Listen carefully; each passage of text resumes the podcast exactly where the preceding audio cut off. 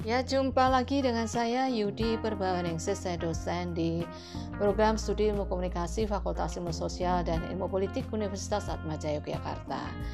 Ya, eh, kalau ingin ketemu saya, saya dosen di program Sarjana 1, S1 dan juga di program pasanya atau di Magister Ilmu Komunikasi MIK. Ya, kalau kita belum pindah lagi nih, jadi hari ini saya masih akan menjelaskan tentang teori di konteks komunikasi interpersonal. Hanya saja bedanya kalau beberapa teori yang sudah saya jelaskan sebelumnya itu uh, bukunya atau dasar referensinya adalah buku dari Wes Turner Introducing Human Communications ya. Tapi kalau sekarang saya mau menggunakan bukunya Joseph A. De Vito. Ini edisi ke-15, edisi yang paling baru. Mungkin teman-teman atau apa kalian semua agak susah mencari buku ini kalau tidak di Atmajaya mungkin ya tapi kalau di Atmajaya ada tapi formatnya adalah bentuknya e-book yang kemudian dapat diakses melalui situs uh, kuliah ya. Uh, judulnya adalah The Interpersonal Communication Book ya Global Editions. Warnanya cantik covernya merah kuning hijau gitu ya. Dan ya sesuai dengan judulnya buku ini tentu fokus pada komunikasi interpersonal tidak hanya teorinya tapi juga aspek-aspek yang terkait dengan uh, definisi fungsi kemudian uh, pesan kemudian juga apa um, konflik manajemen konflik dalam relasi interpersonal. Nah, saya belum mau masuk ke sana atau saya tidak akan masuk ke daerah itu karena itu daerah komunikasi interpersonal ya.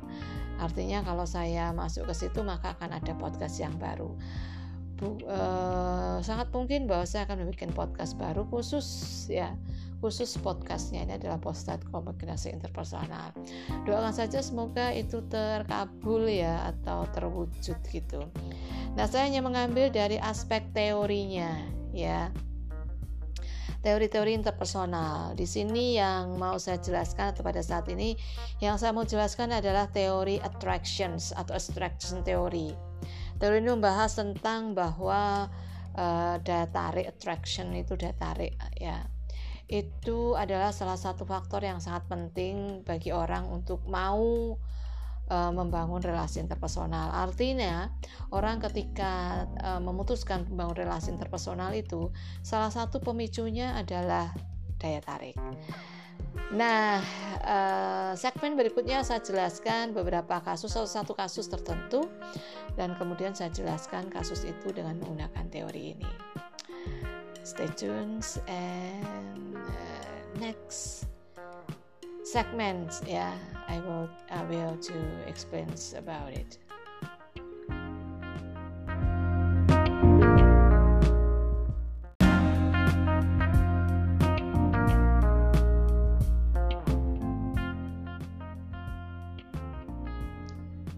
teori daya tarik ini atau traction teori ini adalah bagian dari teori-teori relationship ya teori-teori tentang hubungan. Hubungan apa? Hubungan interpersonal khususnya ya. Um, jadi seperti yang tadi saya bilang bahwa uh, dasar dari atau pemicu atau faktor yang mendorong orang untuk membangun relasi interpersonal itu adalah daya tarik Artinya apa? Jika seseorang memutuskan untuk mau berrelasi dengan orang lain, itu karena orang itu tertarik pada orang itu, ya. Kalau tidak tertarik, dia tidak akan mau memutuskan untuk membangun relasi interpersonal. Saya mau kasih kasus nih, contoh ya dalam kehidupan saya. Saya selalu ambil contoh kehidupan saya supaya nggak jauh-jauh amat pengalaman saya barangkali juga bisa mewakili pengalaman banyak sekali orang karena saya bukan orang yang istimewa yang luar biasa. Saya biasa-biasa saja seperti orang lain. Nggak ada yang istimewa dari saya sebagai manusia ya. Oke jadi kadang-kadang ada pertanyaan begini. Apa yang membuat uh, dia itu tidak tertarik pada saya tetapi dia tertarik pada orang lain. Menyedihkan ya. oh, kalau hal yang seperti ini saya punya banyak sekali pengalaman. Ya. Saya tuh lebih banyak pengalaman ditolak daripada diterima serius, terutama pada masa lalu. Tapi kalau masa sekarang lebih banyak diterimanya terlambat. Guyon ya. Tapi betul ya jadi saya tuh sering apa tertarik pada cowok gitu ya. Gampang seneng sama orang gitu. Apalagi orangnya ganteng gitu. Ya itu semua orang juga akan sama lah ya. Cuman ganteng itu kan kadang-kadang subjektif juga. Sangat relatif ya. Nah ada cowok gitu ya. Luar biasa lah cowok. Cakep banget menurut saya. Tapi menurut orang lain juga begitu sih. Dia cakep banget wah sudahlah saya jungkir balik menarik perhatiannya itu. Apa pun saya lakukan ya. Semua kemampuan saya semua kelebihan saya semua kekuatan saya saya curahkan saya tunjukkan kepadanya. Tetapi yang menyakitkan hati adalah dia tidak tertarik pada saya kasihan sekali ya. Dan dia tertarik kepada teman saya. Dan yang kadang-kadang menyakitkan hati adalah teman saya itu menurut saya ya dari sisi penampilan ya daya tarik fisik itu menurut saya loh ya itu lebih rendah dari saya ya saya lebih cantik maksudnya dengan bahasa yang sederhana. Tapi kenapa dia lebih suka? Cowok ini lebih suka kepada dia. Apa sih yang membuat teman saya itu lebih menarik bagi cowok yang saya sukai ini? Nah itu ini, ini adalah pertanyaan yang sering muncul ya. Karena ini juga banyak dialami oleh kalian semua terutama yang masih mencari pasangan hidup, masih mencoba mencari cintanya gitu. Ya, ada orang yang gampang sekali tertarik tetapi sayangnya orang itu tidak tertarik pada ada. Istilahnya dalam bahasa uh, idiomnya itu bertepuk sebelah tangan. Nah, bisakah kita berusaha untuk membangun daya tarik? Nah sebelum sampai ke situ saya mau cerita bahwa um, ada lima hal ya. Ada lima hal yang disebutkan di sini yang bisa meningkatkan daya tarik seseorang atau bisa juga dikatakan begini orang tertarik pada orang itu karena um, memiliki lima hal ya. Pasangan itu bisa berrelasi karena masing-masing memiliki daya tarik. Dan daya tarik itu e, terdiri dari lima hal. Yang pertama adalah ini teori daya tarik ini yang pertama adalah disebutkan soal similarity kesamaan. Ya e, kalau sama kenapa mesti yang hal yang sama Uh, penjelasan sederhananya adalah demikian. Kalau kita berkomunikasi dengan orang yang dengan banyak hal yang sama dengan kita, maka komunikasinya akan uh, lancar jaya, gitu ya, nyambung, enak. Uh, kita gampang menduga, ya, kita mudah memprediksi makna mempermudah kita memprediksi apa yang dia pikirkan prediksi ya. Bahwa kemungkinan salah juga ada tapi kalau homogen atau sama itu relatif atau cenderung bisa lah ya. Tebakan kita itu te tepat gitu. Jadi ada unsur kesamaan. Sama-sama um, di kampus mahasiswa Majaya sama-sama kelas ekonominya, sama-sama tingkat pendidikannya, ya, sama agamanya, sama etniknya, coba aja ya kalau kita ketemu di angkutan umum tidak saling kenal ya. Kemudian saling bercakap Anda orang Jogja kemudian bercakap-cakap dengan teman sebelah Anda yang tidak Anda kenal dan pertanyaan pertamanya adalah e, dari mana Mbak kemudian orang itu menjawab dari Jogja pasti kemudian dengan nada gembira oh saya juga dari Jogja nah sama-sama jadi dari Jogja kemudian komunikasinya akan berlanjut dengan lancar. Apalagi ketika proses komunikasinya itu berjalannya lama dan menemukan kesamaan-kesamaan yang lain. Kesamaannya semakin banyak, kesamaan semakin banyak, maka komunikasinya pun akan semakin intensif, ya. Karena apa? Ya, karena ya salah satu faktor faktor menciptakan daya tarik itu adalah kesamaan. Nah, dalam penelitian yang dituliskan di dalam buku uh, De Vito ini, ada beberapa penelitian yang uh, tentang situs jodoh. Jadi situs jodoh itu diteliti dan kemudian di situ diteliti pasangan seperti apa yang kemudian dipilih oleh orang yang ingin cari pasangan itu diteliti. Ternyata yang dicari itu adalah e, ditemukan data bahwa mereka mencari hal yang sama. Hal yang sama apa? Terutama adalah di sini ditemukan hal yang sama dari sisi agama. Itu kalau di Indonesia iya sekali sih, ya. Um, karena desakan peraturan juga kan. Tapi um, di sisi lain bahwa Eh, kita tertarik tidak sama dengan agama itu sangat mungkin gitu. kita tertarik dengan agama yang sama karena sudah berpikir bahwa uh, relasi romantik itu mungkin akan sulit uh, terjadi berkembang selanjutnya ketika agamanya sudah berbeda karena faktor ada undang-undangnya gitu ya tapi di luar itu dikatakan memang bahwa kesamaan agama itu menjadi faktor penting ya untuk menciptakan daya tarik. Kemudian yang lain adalah um, selain agama itu appearance, uh, facial appearance. Oh, ada kesamaan wajah gitu ya. Kesamaan wajah gitu. Kadang-kadang kita pernah nggak kita itu memikirkan ketika teman kita merit gitu ya. Kemudian kita bilang begini wah emang jodoh ya. Wajahnya mirip gitu. Pernah kan?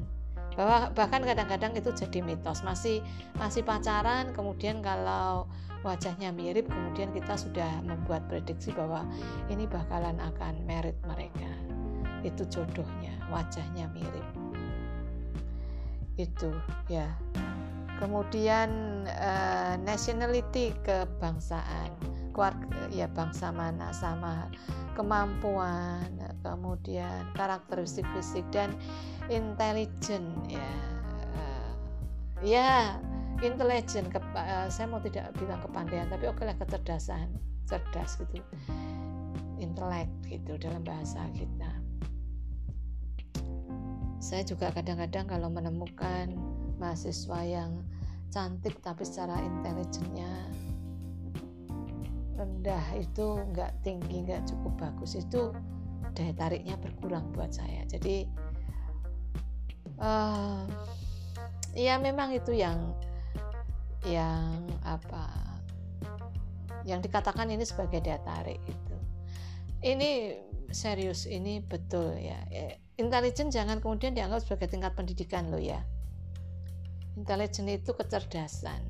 Mungkin tingkat pendidikannya enggak S1 enggak S2 tetapi kalau diajak ngobrol pengetahuannya itu bagus cerdas gitu. Itu yang namanya intelijen intelek dan kalau kita menemukan intelektualitas yang sama, intelijen yang sama, kecerdasan yang sama, itu akan menjadi daya tarik. Ya. Jadi kalau kita ketemu kita merasa orang yang in, intelligent gitu ya, pandai. Kemudian ketemu orang ya on gitu mungkin juga waduh kok on. Saya pakai istilah itu. Ya tidak akan menimbulkan daya tarik gitu. Itu contoh ya. Jadi cek ya teman-teman sekalian kalian. Apakah kalian uh, tertarik pada orang? Cek deh.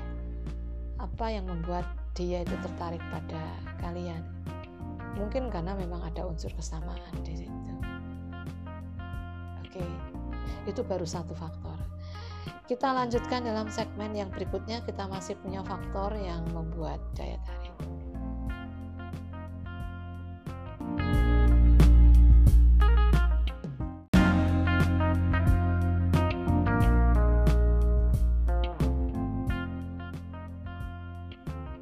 setelah faktor kesamaan, faktor yang kedua adalah proximity atau kedekatan. Ya, kedekatan itu di sini memang lebih difokuskan pada kedekatan geografis ya. Karena kemudian diterjemahkan atau proximity or physical closeness, jadi kedekatan secara fisik uh, fisik ya ya geografik lah. Ada ada guyonan sih ya. Ada guyonan. Um, pekgo gitu. Pernah nggak dengar kata pekgo ngepek tonggone dewi itu kenapa bisa terjadi? Karena uh, dekat secara fisik itu memang memiliki daya tarik kenapa bisa menarik? Karena bayangkan aja bahwa orang ada ada seseorang yang selalu gampang kita temui. Ya gampang kita temui. Ke mana-mana e, kaki melangkah ketemu dia lagi. Mata memandang ketemu dia lagi. Sehingga ada juga uh, idiom bukan idiom atau mitos ya bahasa Jawa Witing Tresno jalaran soko kulino. Ya.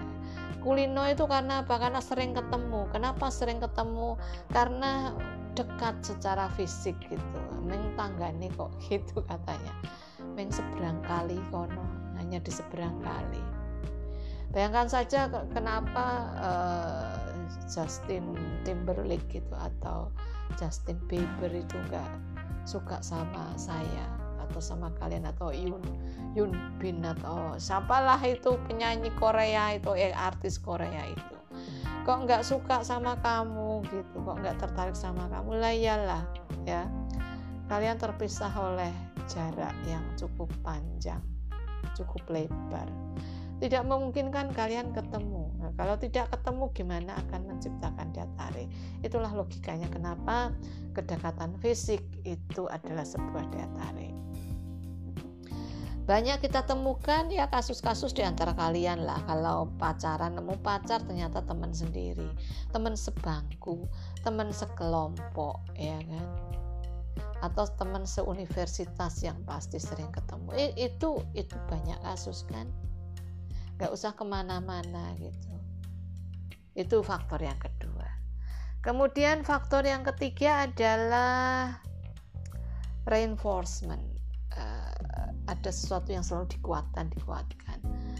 Jadi begini maksudnya. Um, reinforcement itu penguatan dikuatkan dengan apa? Pujian hadiah-hadiah pemberian gitu ya.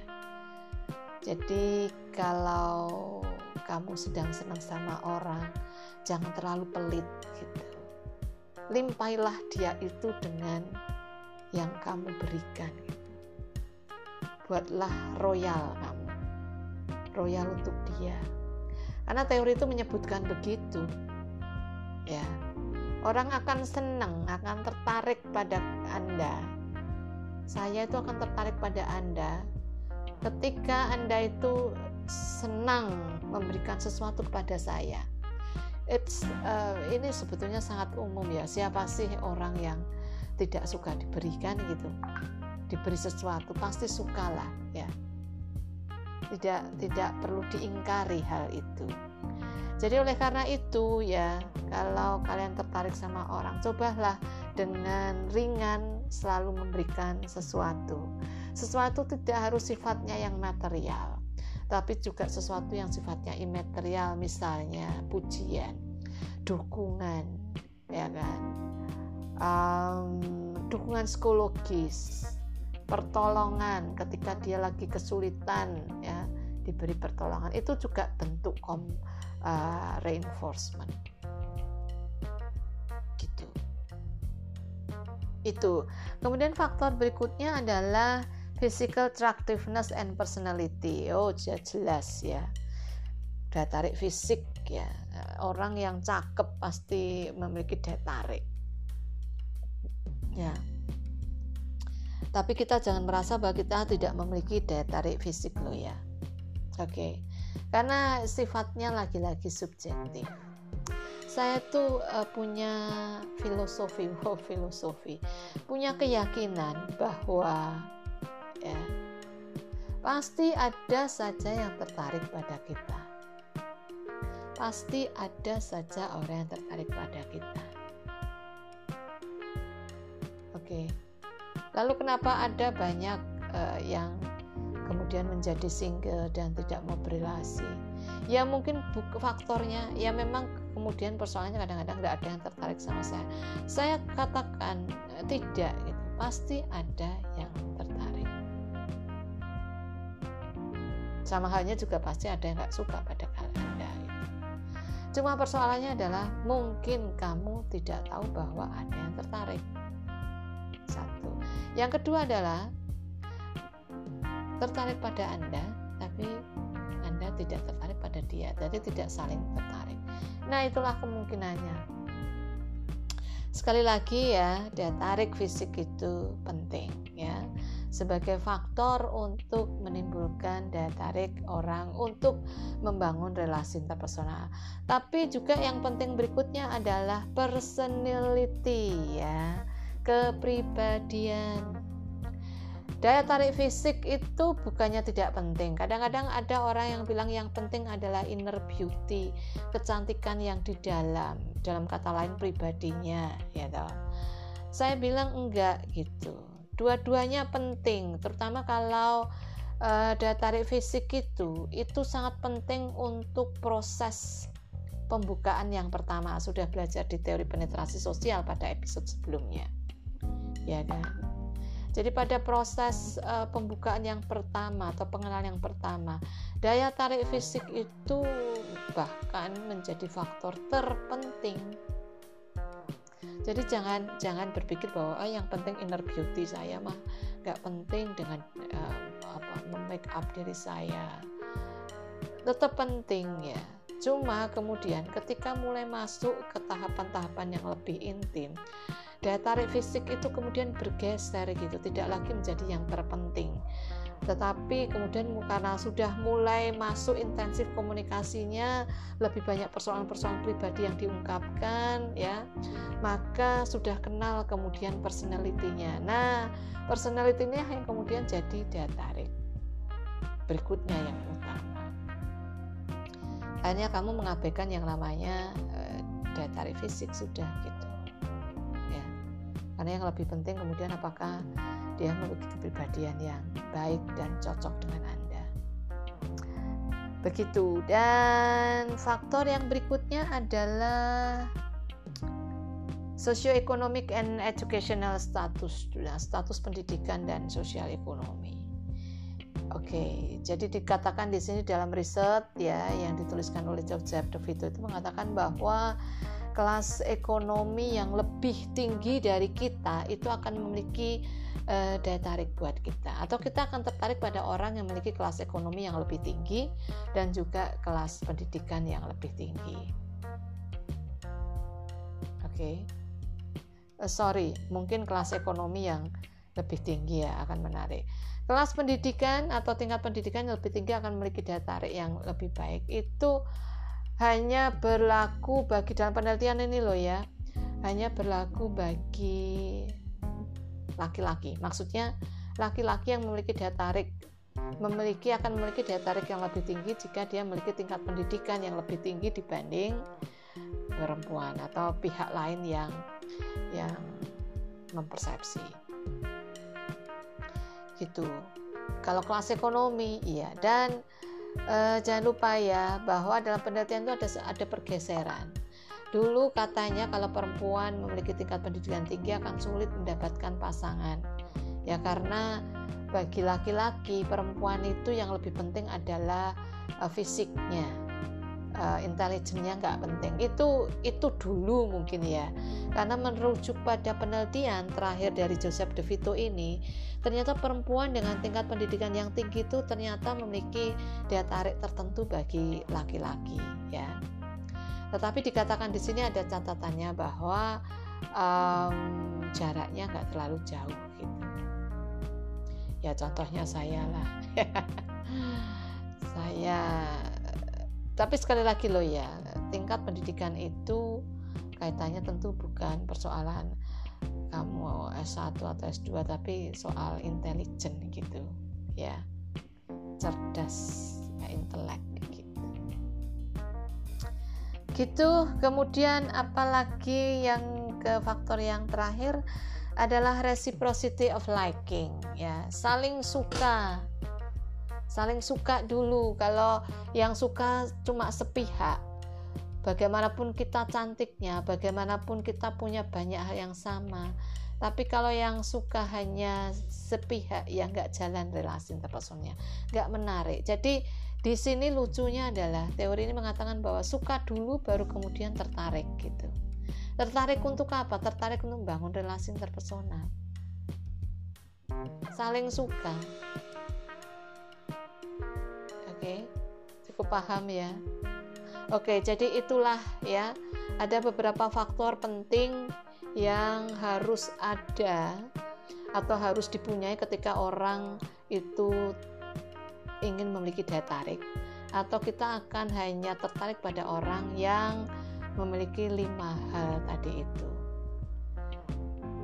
Kalau kelima-limanya terpenuhi, ya secara teoritik ini secara logical predictive by theory based on the theory ya, tentunya kita akan memiliki daya tarik dan relasi interpersonal kemudian uh, besar kemungkinan akan terwujud. Ya, tapi sekali lagi teori bukan sesuatu yang secara precise ya precise-nya 100% dapat menunjukkan uh, fenomena realitas sosial. Bisa jadi ada melesetnya sekian persen. Oke, begitu tapi itulah yang dimaksud dengan teori attract, attraction theory. Faktor daya tarik itu adalah faktor penting untuk membangun relasi interpersonal. Cukup paham?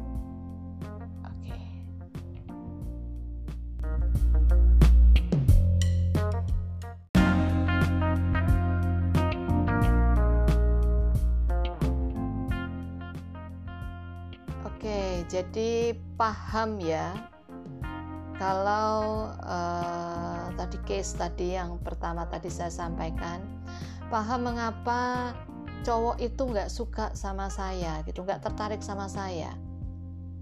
Apalagi kemudian diajak untuk membangun relasi interpersonal.